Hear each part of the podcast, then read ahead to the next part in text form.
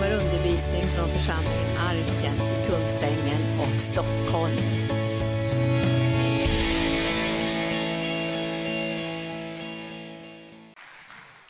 Prisad vare Gud.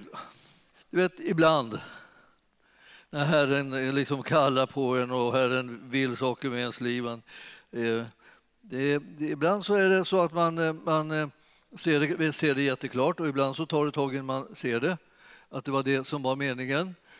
Eh, och eh, vi tror att det här är liksom verkligen välsignat av Herren och vi, vi vet att han kommer att vara med henne och hjälpa henne i den här uppgiften. Vi, vi, känner också det att det, det, kommer att innebära att skolan liksom får liksom en, en, en, stabilitet på och en styrka i att fungera också för barnen och för familjerna eh, som helhet. Så vi är så tacksamma till Herren. Eh, det är ju så att i församlingen så finns det ju en del funktioner som, eh, som står så att säga lite grann öppna och väntar på eh, rätt, rätt personer ska komma och sätta sin skuldra till och gripa in. Ibland så visar det sig genom att du helt enkelt upptäcker det. För många så har ju liksom den, den välsignelsen liksom i sitt liv att de bara seglar omkring så där märker ingenting. Men, men andra eh, har blivit ännu mer välsignade. De märker både ett och annat. Och då är det egentligen en kallelse som finns där inbakad i det här, att man märker det. Man kan, man ta, ibland så kommer folk till mig och säger jag står inte ut längre det, det, borde ju vara någon som gör det och det och det. Tack, säger jag. Jag är välkommen. De tror att, liksom att det här med att de ser någonting, ett behov, liksom bara är någonting som någon annan ska sköta. Men i själva verket så är det Herren som oroar dem för att de ska liksom börja inse att de är svaret på behovet. Och tycker de så här, jag kan inte ta hela den uppgiften. Nej, men där ser du. Du behöver kalla på någon till. Och så börjar man leta efter folk och så börjar man bli flera stycken, så hjälps man åt så blir det plötsligt mycket enklare. Tänk inte i svårigheter, tänk i, liksom, tänk i lättnad, tänk i hjälp och tänk i utvägar istället. Mycket smartare. Mycket mer välsignat. kan flera stycken bli glada på en gång liksom, istället för att en blir alldeles eh, fullkomligt uttröttad och ilsken. Så att eh, om du liksom nu då har någon synpunkt på vad det är som behövs Så är välkommen. Ska vi prata om saken?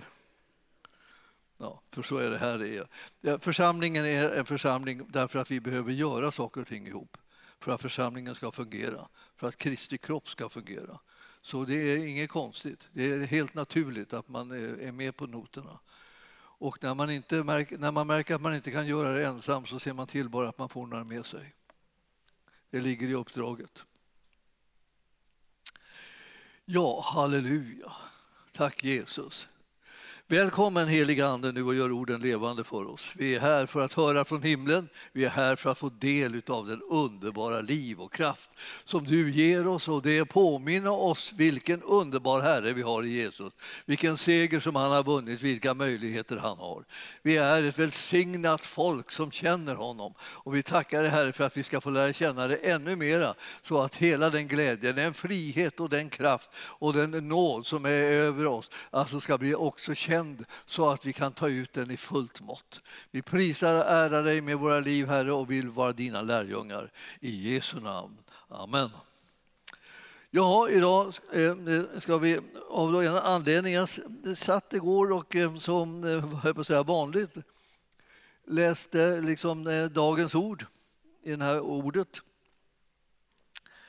såg jag där att det handlar om den heliga Ande. Och Ja, det var, det var eh, väldigt viktigt det där ordet. Det är ett sånt ord som, man har, som vi allihopa liksom har så känt från Sakarja, alltså 4 och 6. Ehm, där, där står ett sånt här välkänt ord som vi allihopa har liksom hör och hör och hör och hör och hör. Och vi brukar, brukar sjunga om det och vi, och vi talar om det och sådär. Men det är, jag tror inte jag under hela mitt liv har predikat över det. Eh, alltså det har kommit liksom lite in kanske lite på, någon, eh, på något hörn sådär, men jag har aldrig predikat över det. Och jag kände att eh, det, det, här måste jag predika över. Och till er. Därför att vi är en övernaturlig församling. Och det är inte ett skryt, utan det är ett, eh, en nödvändig information. För när vi, det vi ska göra ska vara av övernaturligt slag och det behövs att det kommer någonting mer till än människors styrka.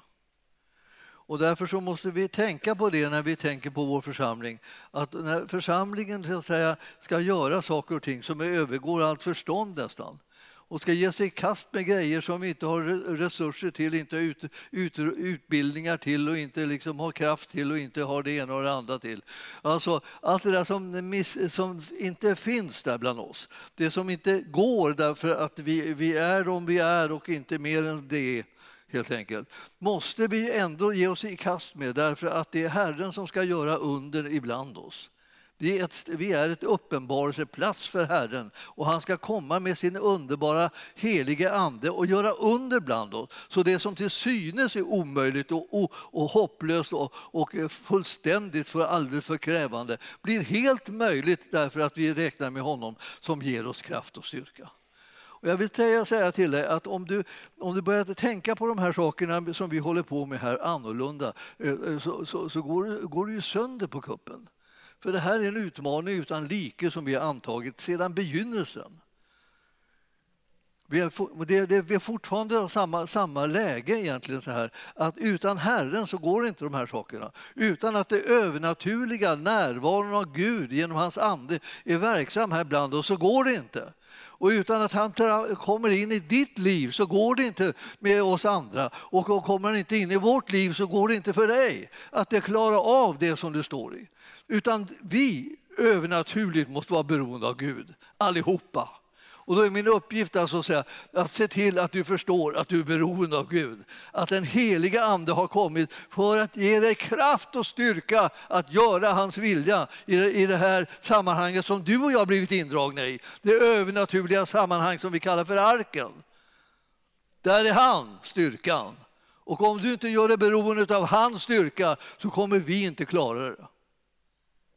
Och jag känner att ibland så här, ja, men så här har det alltid varit. Ja, men inte alltid lika tydligt jämt. Då och då så liksom blir det liksom klarare.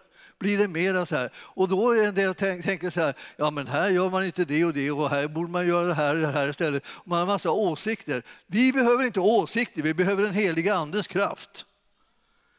Åsikter är, liksom, det, det, är, det är inte så mycket värt. Men den heliga Ande, han gör det att vi kan svara ja till det som Herren kallar oss till och sen ha möjlighet att genomföra uppdraget som vi har fått av honom.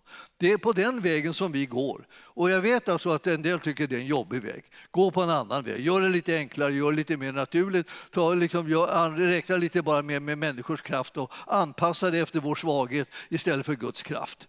Jag ska säga det, vi kommer aldrig anpassa oss efter vår svaghet utan vi kommer anpassa oss efter Guds kraft. Och tycker du inte om det så får du göra bättring. För att det är så här vi lever och det är på det här sättet som vi verkar. Därför det övernaturliga är förutsättningen för arken, har alltid varit det och kommer att vara det framledes också. Vad tar du åt honom, tänker du? Ska han inte ta ett litet milt budskap här och stryka oss medhårs? Det var någon som sa det så här, det var, var det som sa det? jag hörde alldeles nyligen, de sa det att om, om man stryker, om man stryker en kanin eh, mothårs, så om man, vill, om man vill att man kan stryka den medhårs så får den väl vända på sig. Ja. Ah. Så då vet du det. Om du vill att jag ska stryka dig medhårs, vänd på dig. Eh, jag tycker det var genialiskt. Liksom. Ja, men milde tid, självklart. Och nu är det så här att det, det här är liksom, om, om det blir mothårs för dig när jag säger att vi ska göra det som, eh, genom den heliga Andes kraft och inte genom någon, någon anpassning efter vår svaghet. Om du tycker inte det är bra, vänd på dig. Så kommer, jag känna, kommer du känna hur jag stryker medhårs.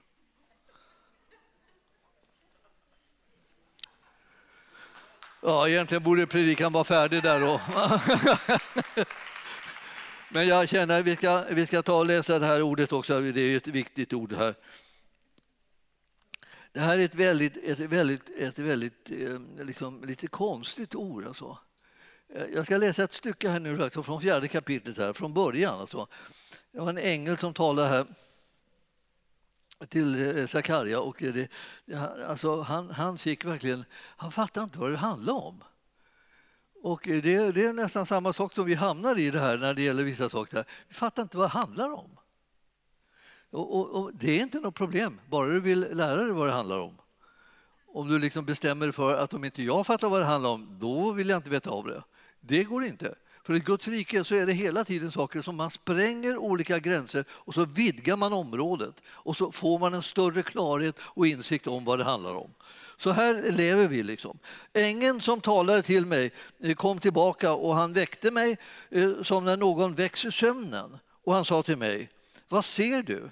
Jag svarade, jag ser en ljusstake helt av guld med sin oljeskål upp till och med sina sju lampor. Sju rör går ner till de särskilda lamporna där uppe. Två olivträd sträcker sig över den, ett på högra sidan om skålen och ett på vänstra. Och jag frågade ängeln som talade med mig, vad betyder dessa, eh, min herre? Ängeln eh, som talade till mig svarade, förstår du inte vad de betyder? Nej, min herre, sa jag. Då sa han till mig, detta är Herrens ord till Zerubabel. Inte genom eh, styrka, inte genom kraft, utan genom min ande, säger Herren Sebaot. Vem är du, du stora berg? Inför Zerubabel skall du bli förvandlas till jämn mark, ty han ska föra fram slutstenen medan man ropar nåd, nåd över den. Och Herrens ord kom till mig. Han sa, Zerubabels händer har lagt grunden till detta hus. Hans händer ska också göra det färdigt och du ska förstå att Herren Sebaot har sänt mig till er. Ty vem vill förakta den ringa begynnelsens dag? De gläds över att se murlodet i Zerubabels hamn, dessa Herrens sju ögon som far omkring över hela jorden. Och jag frågade, vad betyder dessa två olivträd till höger och till vänster om ljusstaken? Och jag frågade honom igen, vad betyder de två olivkvistarna in till de två gyllene rännorna som den gyllene oljan rinner ner igenom? Då sa han till mig, förstår du inte vad de betyder? Jag svarade, nej min herre. Då sa han, dessa två är de smorda som står inför hela jordens herre. Hur brukar det gå för dig när du läser din bibel? Eh, jag tänker, när jag läser såna här stycken så här, brukar jag tänka så här, ja, då tar vi nästa kapitel. Eller vad tar du det till? Liksom. Den här, nu är det ju liksom så här, du och Sakarja, man, man, känner ungefär så här, jag är som Sakarja. Jag står där bara som ett frågetecken. Så här, jag förstår inte vad det handlar om. Förstår inte vad det handlar om. Nej, jag förstår inte vad det handlar om. Så här. Och så får man en förklaring. Så här, jag förstår inte vad det handlar om. Jag förstår fortfarande inte vad det handlar om. Då tar vi nästa fråga. då. Jag förstår inte heller när jag får svar på den. Jag, jag förstår inte vad... Så, här, här har man läst ett helt kapitel liksom och blivit, man fattar att det handlar om en ängel och så handlar det liksom om en ljusstake och så handlar det om olivträd som liksom väx, växer på något sätt på varsin sida om den här ljusstaken. Ja. Och vad är det? Och, och sådär. Men mitt i alltihopa va, så finns det liksom, dyker upp ett bibelställe som vi gillar. Då, då som vi tänker, det, här, det här förstår vi nämligen. Det, här, det här känner vi igen. Alltså, det, här, det är Herren när det står att alltså, inte genom styrka eh, och inte genom kraft, alltså mänsklig styrka eller mänsklig kraft, va, utan genom min ande, säger Herren Sebaot, ska det saker och ting ske. Underförstått. Ibland så är det där liksom utskrivet. Då, men, men alltså det, det, hur ska saker kunna komma till? Jag ska inte behöva liksom väga liksom vilken styrka eller kraft jag själv har utan genom Herrens ande ska det ske. Det där förstår vi. Det ska vara övernaturligt det här. Alltså. Jag vill säga till dig att liksom, det är härligt när det är övernaturligt ibland. Och ibland är det jobbigt. För då, får det liksom, då är det inte du som ska lägga dig i det här. Och du ska inte heller säga stopp det här, det här kan vi inte göra för det här orkar inte jag, eller kan inte jag, eller kan inte vi, eller orkar inte vi. Eller, vi har redan gjort så mycket så vi orkar inte mera. Jag hör det där ibland, eh, liksom, att det finns liksom ett litet sus i församlingen så där, om att, så där, att vi har många projekt, vi behöver inte fler. Det är väl inte du som bestämmer om vad vi behöver där och inte jag heller. Utan här står vi, vad är det som handlar, vad det handlar om är, om Herren leder oss in i saker så är det så att han smörjer oss för det och vi får kraft till att göra det därför det är hans övernaturliga förmåga som avgör om någonting ska göras eller inte. Så har vi alltid gjort i församlingen Arken och ibland har vi tyckt att det var underbart och fantastiskt och ibland har vi tyckt att det är en mardröm. Nu ska vi ut igen och gå på vattnet här. Ska man ut liksom inte veta hur det kommer att gå, om vi kommer klara av det eller inte? Ja, så blir det om man tittar på sin egen kraft och styrka. Man blir nervös. Man får ont i magen. Och jag har prövat alla möjliga sådana där varianter i olika tillfällen. Alltså, och eh, att bli nervös och få ont i magen hjälper inte. Vad är det som hjälper då? Att vi får tro på Gud, att det är han som har lovat det här och det kommer han att hålla. Det är det som hjälper, om vi ska undra om det ska hjälpa. När du står inför en utmaning själv i ditt liv, konkret så här, och du, du ser ingen utväg och ingen lösning. Det hjälper inte att bita på naglarna och det hjälper inte att bli nervös och det hjälper inte att få ont, ont någonstans eller här och där. Eller att du får ont i skallen eller vad det kan vara för något. Det hjälper inte, alltihopa det där är bara återvändsgränder. Det som hjälper är tro på vad Herren har sagt. Det hjälper att tro på hans väldiga kraft och möjligheter. Det här säger inte jag för att jag, jag hånar dig på något sätt om du har ont i magen eller om du har ont i huvudet eller om du liksom är nervös eller någonting så här för situationen som du står i. För så där är det för oss allihopa, att vi har ett val. Det är bara tron så att säga, som övervinner de här omständigheterna och som gör att vi kan liksom bli stående där och vara frimodiga och glada fast det inte ser klokt ut där man står. Om ni, om ni bara visste liksom hur idiotiskt att mycket ser ut för mig. Det ska jag inte berätta för er, för då blir, då blir, det, då blir det ännu fler som får såna här utmaningar. Här. Utan jag menar, säger det, det är ingenting som är konstigt, inte ovanligt. Det här är läget som, som uppstår när vi liksom på något sätt släpper taget med blicken på honom som är lösningen och börjar titta neråt och, och på alla omständigheterna. Och då tänker vi, hjälp! Ja, men hjälpen finns ju redan. Den har ju redan blivit given. Milde tid. Vad ska vi ta oss till? Vi ska påminna varandra om den här hjälpen, att den finns här. Att den är tillgänglig, att den är för var och en som sträcker sig efter den. Herren är vår styrka, han är vår starkhet, han är vår hjälp, han är väl beprövad. Det står om, om, om honom här, alltså att så här är hans ande. Alltså, hans ande gör att din och min styrka och kraft är överflödig. För han ska låta sakerna ske genom sin styrka och sin kraft, och den räcker. Om du och jag får liksom en trygghet i livet som ska hålla så måste det vara den. Det kan inte vara liksom att du och jag liksom har gått på gym eller något stärkt oss. Liksom. Vi känner oss starka och friska. Man har tänkt på sig själv, man prioriterar sig själv längre. Nu ska jag ta hand om mig själv, nu ska jag bara sköta mig själv. Jag kan säga, äta rätt och liksom träna rätt och hålla på. Nu är jag så i form, nu känner jag mig pigg och glad. Nu kan jag ta, anta, anta vilka utmaningar som helst. Ja, alla utmaningar utom Herrens. För där är du plötsligt så försvagad så att du inte vet vilket håll du ska titta åt. Så när problemet kommer så tittar du bara på problemet istället för att titta på Herren. Nu har vi det här året haft en fantastisk förmån att ha en sån här liten banderoll, så här ett litet klatschigt ord här, Lyft blicken. Jag vet inte hur många gånger jag hänvisat till den det är det här, under den här tiden, sen, sen mirakelkonferensen. Men milde tid, gör det. Lyft blicken! Knota inte över dig själv hela tiden eller knota över andra eller mig över mig. Då. Det får du absolut inte göra förresten. Och, utan knota liksom inte, inte på, kasta allt knot ifrån dig. Så bara lyft blicken och se på honom som är lösningen. Han som är kraften, han som är rå, har råd och vishet och förstånd som kan hjälpa dig.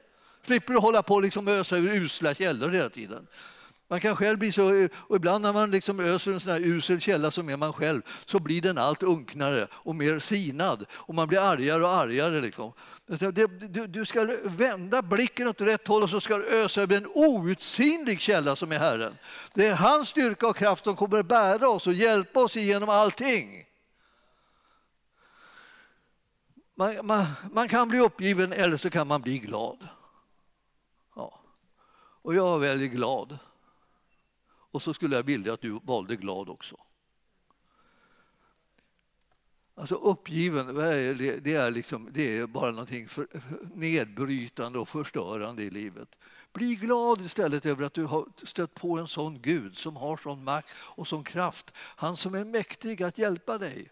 Hans ande har tagit sin boning i ditt inre när du inbjöd Jesus som din frälsare och Herre.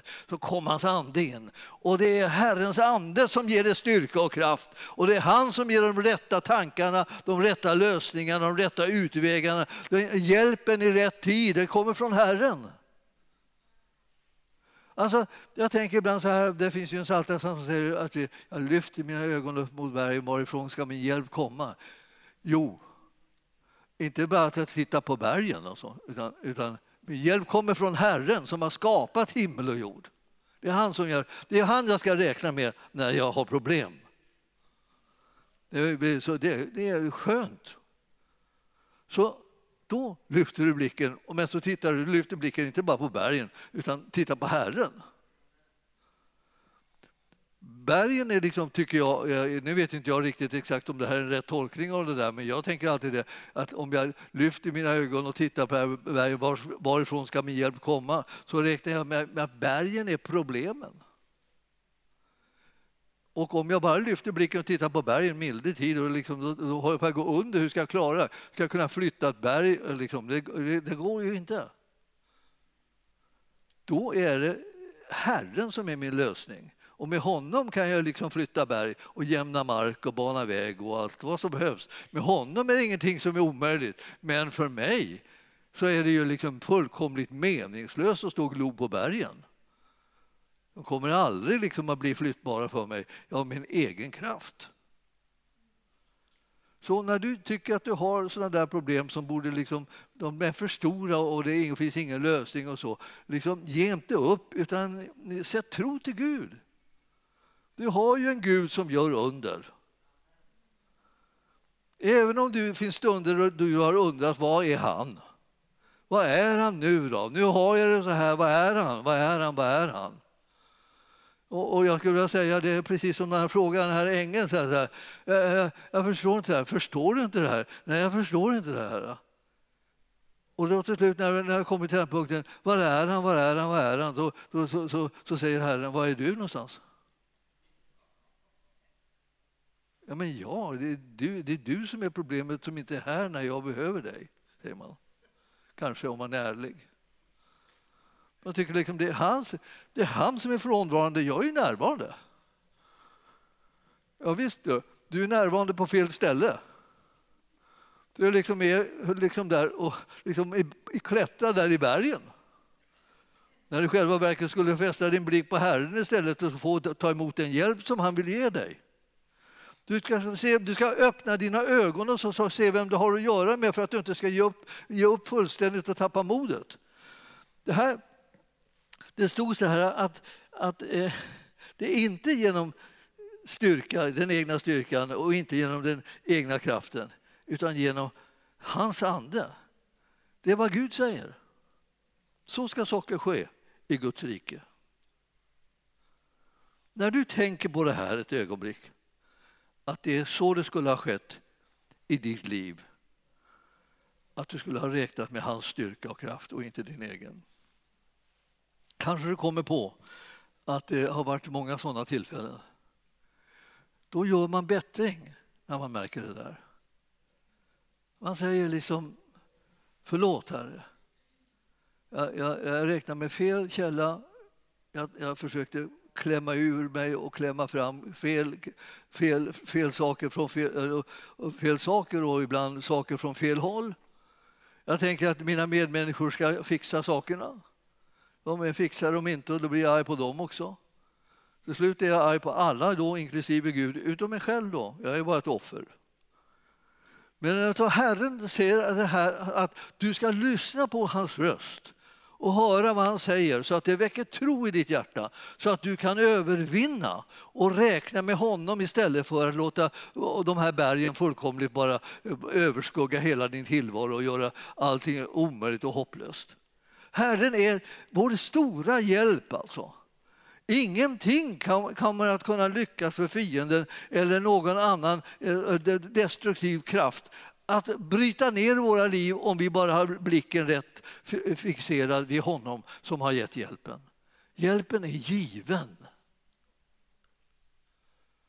Jag skulle, jag vet inte, förstår ni liksom vilken fantastiskt stark och övervinnande församling som vi har anledning att tro att vi kan bli i vilket ögonblick som helst. När vi sätter igång och litar på honom och tror på honom och hans kraft och styrka istället för våra egna eh, svagheter och svårigheter och hinder och, och, och sånt där som hakat upp sig. Förstår du vilken fantastisk församling att kunna resa på sig och vara ett och genomföra det som Gud vill.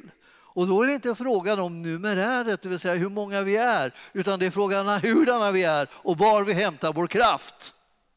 För det går liksom inte att göra någonting med, med en jättestor skara människor som inte hämtar sin kraft hos Gud. Det kommer, mänsklig arm kommer aldrig styrka oss. Det som kommer att styrka oss är enhet i anden där Herrens folk liksom tar sig samman och går ihop och står ihop och räknar med Gud, då kommer ingenting att kunna hindra oss att göra det som Herren har bett oss om att göra. Vi kommer att kunna fullborda vårt lopp, vi kommer att nå målet. Och det kommer att bli tillsammans och det kommer att bli för oss var och en enskilt också. Jag, jag skulle önska att vi blev sugna på det där att det blev en övernaturlig lösning istället för liksom att det blev en, liksom en, en naturlig liksom uppgivenhet. Alltså vi, vi, vi, har, vi, vi har varit eh, vad ska jag säga, eh, oförsiktiga med den där biten ett tag, har jag känt av. Ja, vi har räknat för mycket med det naturliga och tänkt för mycket i naturliga banor. Och vi är kallade att tänka i övernaturliga banor och tro på en övernaturlig, mäktig Gud. Det kommer att göra skillnaden om du liksom väljer att tänka på honom och på hans ord och på hans möjligheter istället för att tänka på vad du själv inte klarar av eller vad andra inte kan. Det finns ingenting som, eh, som skrämmer Herren. Och det finns ingenting som behöver skrämma någon av oss som vandrar med honom. Du behöver inte frukta fågelfängaren snara, står det. Alltså att någon ska kasta liksom ett nät över dig och fånga dig och där sitter du fast och så blir allting förstört och hopplöst och sen äter de upp dig. Ja, det var slut. slut det står ju inte där men det, det var i alla fall så. Man, det är därför man fångar fåglar för att äta upp dem. Ni förstår, det, du behöver inte frukta för sånt där. Därför att du, du har Herren. Och du sitter hos honom och du är med honom. Och han är, han är ditt skydd och han är din borg och han bevarar dig på alla sidor. Om du bara tror på honom, vad han har lovat att göra för dig och vad han har lovat att vara för dig och vad han har talat om var han har placerat dig någonstans så behöver du inte sitta och vara nervös utan då kan du vara trygg. Det är Herrens vilja att du ska vara trygg. Så undrar vad vill han med mig då? Vad ska, vad ska jag ta mig till? Och Gud, varför hjälper du inte? Han har ju redan hjälpt dig och han har sett till att du kan vara trygg. Och om det nu skulle kunna hjälpa liksom, så ska jag vilja ge dig en hälsning från Herren. Då han säger de här orden till dig. Var trygg. Det går inte bara att säga det här. Blir man inte det beror på vem som säger det. Och nu är det Herren som säger det. Han säger det överallt i sitt ord. Om du läser Bibeln, det hoppas jag du gör, får du höra att han vill att du ska vara trygg. Han vill aldrig att du ska vara otrygg. Han vill alltid att du ska vara trygg. Eller hur? Har ni märkt det? Det är liksom inte en dag som plötsligt slår ett bibelord och så förresten, jag vill att du ska vara nervös hela dagen. Nej, det finns, det finns inte. Vad håller du på med det för då? Om det inte finns och inte är Herrens vilja. Herrens vilja att du ska vara trygg. Se till att ta emot den tryggheten som han ger dig. Hur gör man det? Hur gör man det? Ja, man börjar med att bara Säga tack Herre, jag tar emot tryggheten och vilan hos dig. Jag tar emot friden och, och glädjen hos dig. Jag tar emot kraften som jag behöver från dig. Jag tar emot den hela tiden. Jag sätter igång och övar det. att ta emot, ta emot, ta emot, ta emot, ta emot. Ta emot. Och tänker jag, men så där kan man inte hålla på. Vad, vad händer då? Det är det du kommer få se.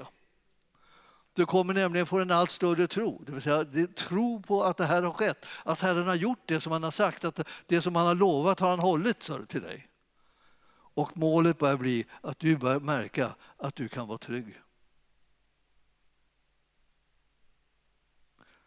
Den som sitter under den högstes beskärm och vilar under den allsmäktiges skugga, han säger i Herren har jag min trygghet, min Gud på vilken jag förtröstar. Ja, en av de där 150 salmerna som handlar om hur, vad Gud vill med ditt liv. Han, han, är, han, är, han har sådana planer och han tänker hålla dem. Och nu, vet du här, så var det ett väldigt eh, märkligt eh, kapitel om ljusstaken eh, av guld och de två olivträden. Och så visar det sig och man, liksom, man kan få, ni får en liten hjälp här, en liten kommentar. De här, vet du, de här två olivkvistarna som liksom är på varsin sida av den här gyllene ljusstaken. Vad är det för någonting? Ja, det, står, förstod han, det förstod han inte vad det var. Och så står det i sista versen, de här två är de smorda som står inför hela jordens Herre. Och så får vi reda på när vi läser Uppenbarelseboken att det, det är överste prästen Josua och försten Serubabel som står där. Och vilka är de? De är två tjänster som Gud har placerat där och som ort, för uppdraget. Och den smörjelsen som de har ska liksom komma församlingen till del. För ljusstaken där är liksom för den församling som, som finns eh, eh som Gud har grundat och lagt och ställt här på jorden i mängder med liksom olika ex, om vi säger så. Och eh, där, där, där, där finns det en olja och en smörjelse som rinner. Så när, när det här, de här är på plats, tjänsterna är på plats och ljusstaken är på plats så är det smörjelsen som flödar eh, i, i, i det här. Och det är Herrens andes smörjelse och väldiga kraft som gör att Herrens vilja ska kunna ske i och genom den här församlingen. Och så är det för oss också när vi kallar på det. Herren har, har, har gjort saker och ting på olika bestämda sätt och det är övernaturliga eh, ting som han har gjort och han har smort tjänare och tjänarinnor och han har, och han har smort församlingen och han har kallat på oss med, med en övernaturlig kallelse och det är det som vi håller på att förverkliga. Det finns en fantastisk vad ska jag säga, ära i att eh, få tjäna Herren och göra hans vilja. Hans vilja är inte en, en demokratiskt beslut. Hans vilja är någonting som kommer övernaturligt ifrån himmelen och som gör att människor sätter tro till det och känner att deras hjärtan sammankopplas för att göra hans vilja. Och när de gör det så kommer den här smörjelsen kunna flöda fritt och starkt genom, eh, genom den församling som bejakar det här som Herren har talat till den och går mot det målet som Herren har talat om att vi ska gå. Då kommer var och en börja hitta sin plats, då kommer var och en kunna göra det som eh, de gåvor och utrustning som de har fått av Herren, eh, som är nedlagda i deras liv, börjar kunna flöda. Och man börjar kunna se och förstå varandras stora betydelse. Ni förstår, alltså det finns inte folk i församlingen som har liten betydelse, det finns bara folk som använder sina gåvor lite därför att de ännu inte har fått tro på hur, vilka gåvor de har fått av Herren. När de väl börjar få tro på det så kommer den här, de där gåvorna flöda över av, med, med den kraft och smörjelse som behövs för att just det ska kunna ske. Och alla kommer kunna se vad det är för någonting som var och en har bär, bär på och förvaltar och vad man har ansvar för i sitt liv för att hela kroppen ska kunna fungera. Vi behöver bedja om att få se saker och ting ur Herrens synvinkel. Och vi behöver bedja om att den smörjelse och kraft som Gud ger till var och en när de vill följa Herren och göra hans vilja är inte tillbakahållen utan är någonting som flödar in i var och ens liv när de börjar bejaka den kallelse och det uppdrag som de har fått av Gud. Det händer ju att folk drar, liksom drar sig för att säga ja till eh, kallelsen. Det händer ju att folk vill göra det långsamt och inte nu, de vill göra andra saker först. och sådär. Det händer alla möjliga sådana saker i människors liv. Men det, det, när Herren kallar på en så betyder inte det först med samma att man måste göra det ögonen böj om han inte säger det. För I mitt liv var det så att jag, jag blev kallad liksom till att vara en herde. Jag visste inte riktigt vad det innebar, men jag var bara liksom en åtta, mellan åtta och tio år så här gammal. Då fick jag en kallelse att vara en herde. Och det var inte med samma då. Jag behövde inte liksom försöka flytta på kyrkoherden som vi hade och liksom säga att nu är det jag som är herde. Det är en del som försöker sådana saker också. Så här. Det är liksom rätt mäktigt företag på den tiden. Liksom. Jag tror att jag hade, min kyrkoherde han var fältprost, det vill säga led, andlig ledare för hela liksom, armén och flyget och alltihopa. Liksom så här. Han, var, han, var, han var någon slags adelsman. Och någon, Alltså, han, han var så här, så här, långt borta från mig. Så jag komma där. Jag har fått en kallelse att bli herde. Alltså, det, det, var, det hade aldrig gått hem. Men, men med Herren så, så, skulle det här precis bli det som han hade sagt. Och jag sa inte nej till det, men jag kände inte heller att han sa nu. Men det finns så en punkt då, man säger, då han säger nu. Och då, då blir det annat. Då behöver man röra på sig, då behöver man ta steget, då behöver man gå in i uppgiften. Då behöver man liksom, eh, eh be tillsammans med syskonen och samtala med, med de som är ledare så att man känner liksom att man, får, att man får, kommer till liksom en samsyn kring det här.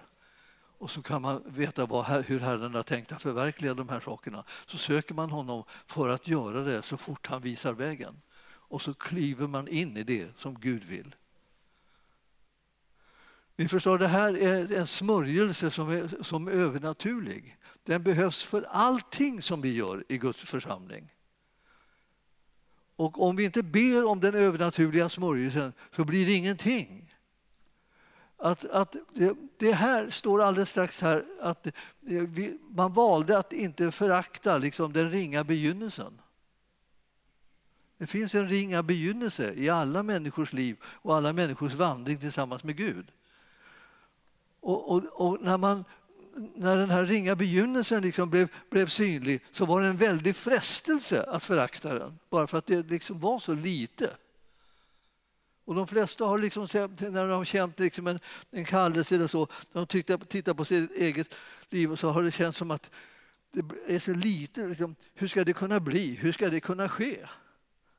Ni kommer ihåg Maria, liksom var ju, hon, hon stod ju där som en liten tonårstjej och så skulle hon, hon föda liksom in Guds son, Människosonen, in i den här världen för den stora uppgift som han skulle ha. Och eh, hur ska det kunna ske? var hennes reaktion. Och det är reaktionen hos många. Hur ska det kunna ske? Tio, tionde versen där då. I fjärde kapitlet i Sakarja står det. Ty vem vill förakta den ringa begynnelsens dag? Alltså? De gläds över att se murlordet i Serubabels hand, dessa Herrens sju ögon som far omkring över hela jorden. Alltså det är Herren själv liksom, med sin ande gläds över att se murlodet, det vill säga första steget om man bara liksom mäter ut den här eh, raka linjen, om vi säger.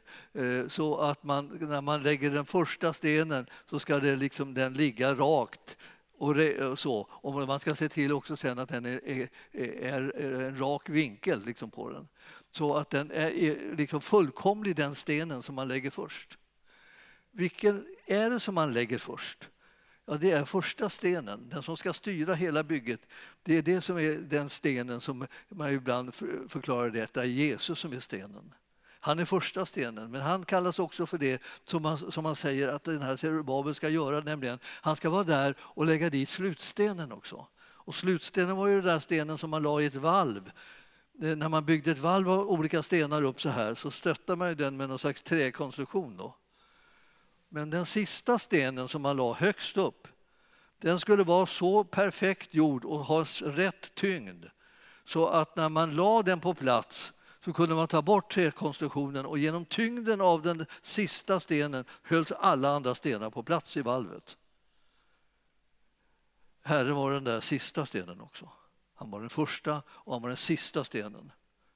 Därför är ett bygge som vi håller på med ett bygge som ska rättas efter honom, inte efter oss. Och därför är en så att säga, liksom, vi håller på med ett övernaturligt andligt verk där var och en måste ta ansvar för att vara fylld och, liksom, och närvarande i den heliga Andes smörjelse för att Guds vilja ska kunna ske på varje del av arbetet. För snart ska det vara så att det ska kunna läggas en, liksom en slutsten också i det arbete som vi håller på med. Och då, när det är gjort så har vi liksom fullbordat liksom arbetet och fullbordat jobbet. Och, det, och när det blir, det är också, bestämmer Herren, för det är han som ser hela ritningen. Men vi ser att han vill att vi ska vara så smorda så att vi förstår oss på att bygga det med vår, oss själva som stenar till det här bygget eh, så att vi kommer in på rätt plats med de bitar som vi har. Och det är Herrens sak att tala om vad det är för någonting. Och, eh, eh, och man, kan, man kan säga det, ja då vet väl ingen annan någonting. Jo, då, det vet några de, något om det här och det är de som, som har olika ansvarsområden får också veta hur de liksom ska vara med och bygga vissa bitar, vissa delar. Och man kan se de här sakerna eh, lite grann i det här bygget. Men det, det fina är ju att man föraktar inte begynnelsen, även om det är så ett bygge som verkar bli så fantastiskt stort och enormt imponerande så att när man lägger slutstenen i det bara så bara skriker folk liksom över, över den här fantastiska stenen och de ser att alltihopa var bara nåd. Det fanns ingen gräns till det. Allt, allt, allt, allt var nåd. Och när du ser så småningom på ditt liv och tänker så lite över det, då börjar du märka att alltihopa var nåd. Du har fått Herrens nåd att vara med i det här enorma bygget som Herren gör, i bygget av hans rike, den lokala församlingen och Gudsriket liksom, där det manifesteras i församlingen. Du har fått vara med och vara en sten i det.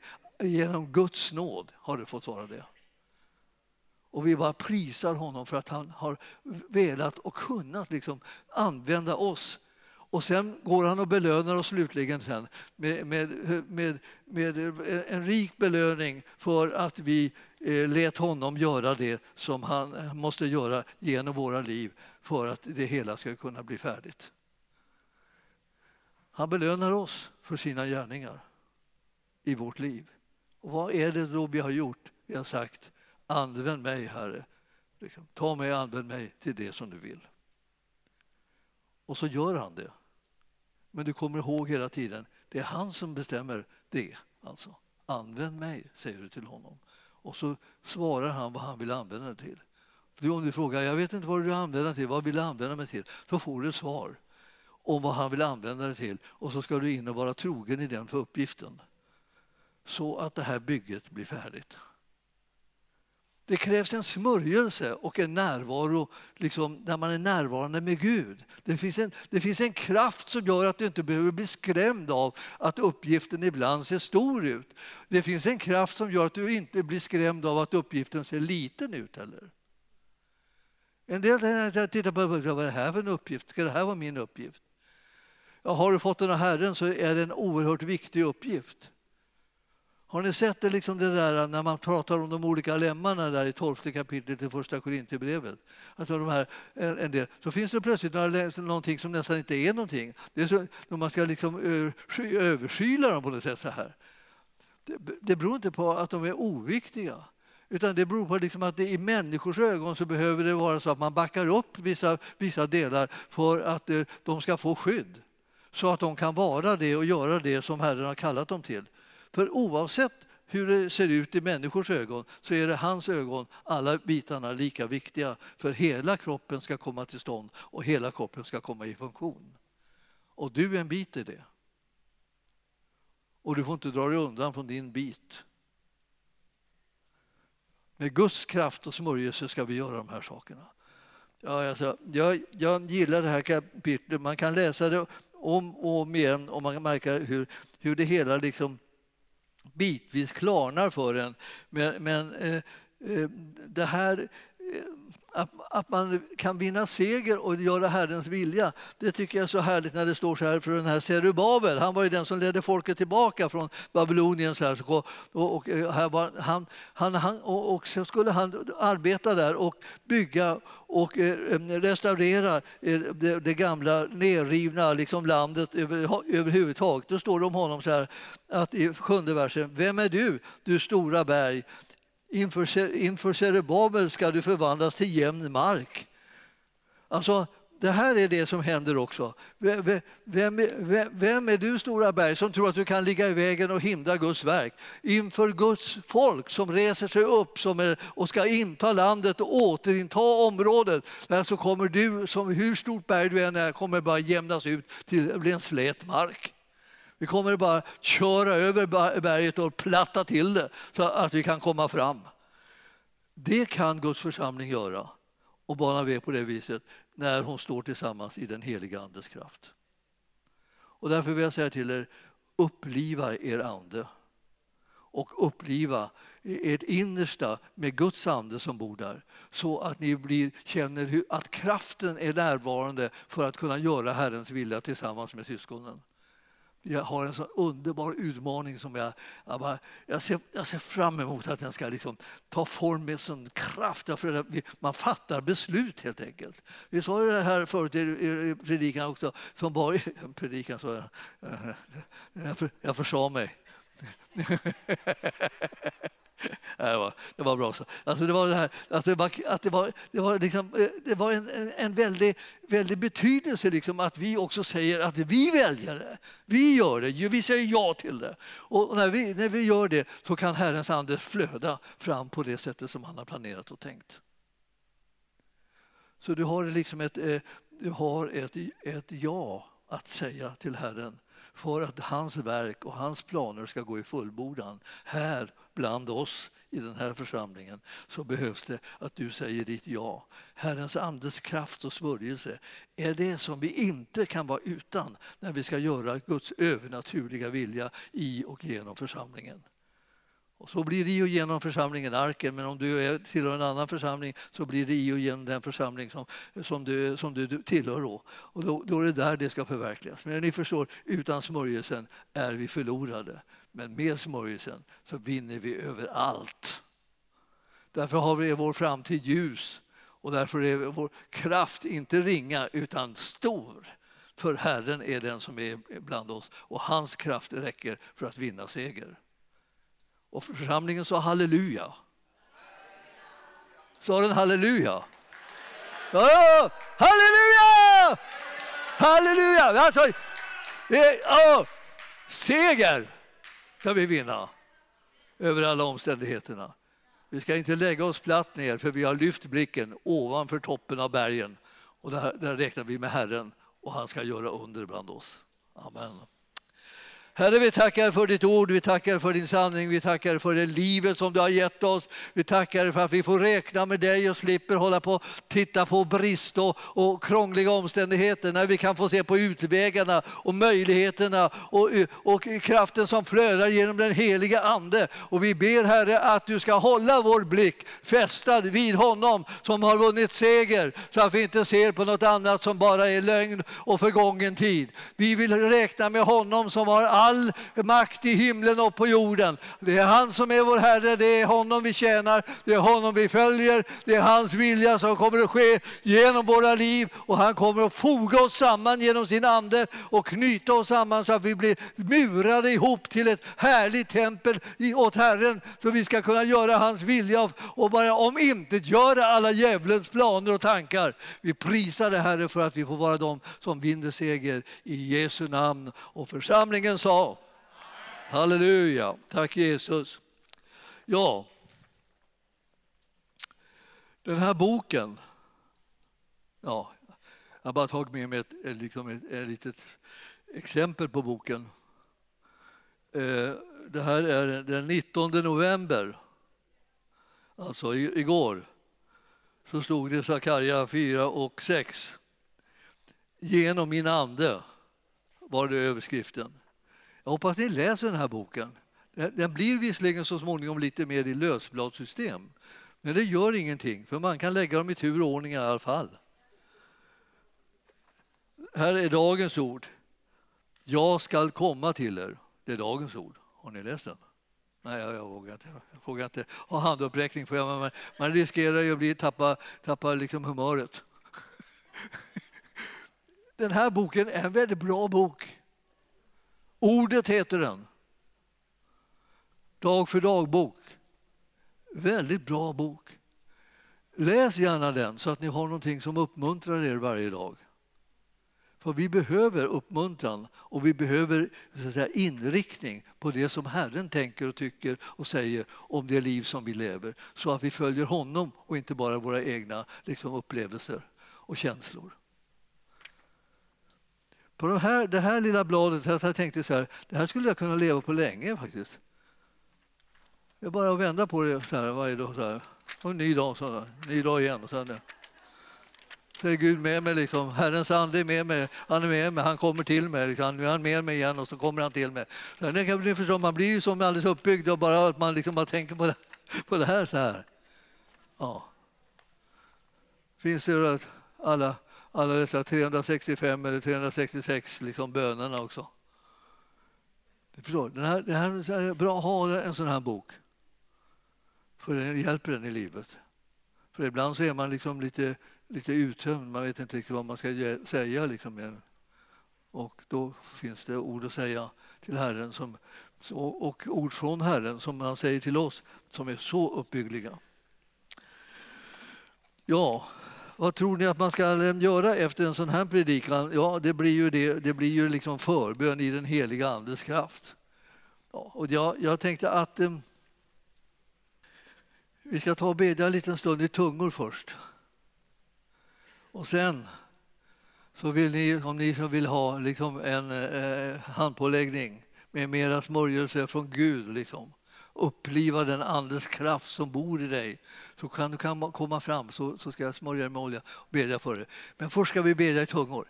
Alltså att bedja i tungor är, liksom, är så väldigt nyttigt. Det uppbygger och stärker din invärtes människa. Så du ska inte lämna dig själv i fred utan du ska liksom bedja i tungor. Och du behöver inte sitta och tänka så här, vad betyder det här, vad betyder det här? Du ska strunta i vad det betyder för det är ingen, det är ingen som pratar till dig. Utan det är du som pratar till Gud. Och du behöver inte lägga dig i alla samtal. Liksom, hade han velat prata till dig hade han pratat på det språket som du förstår. Men nu vill han inte prata till dig utan nu vill han att du ska prata till honom sånt som du inte ännu förstår. Så det kan hända att det klarnar så småningom vad det är du ber till Herren. Men du ska bedja i tungor därför att det bygger upp din invärtes människa. Bedja i tungor. Det, det rensar och renar liksom hela den inre liksom, människan på något vis. Så himmelske Fader, kom med din heliga Ande nu så ska vi prisa Prisa dig Gud. Och rasakapanjola vaseria toria sabakenya mana. Namra koria la basorsele bänga do forkan man jode mana. Sabra la katia na basorge so da matori. Si ti la massa bakonya mana do baskor. E prekanya le peria foria sambor. Da schatto le barakotie maido. Shira kachori ma chande barolo ke pagatandio lor. Le pre kala sotre prekwanjandi padia. Shili diatson da bara le kena manandor bakor. Libra Kenjulida, Soforiana Maria Tida Basor, De Helia Soria Kedo.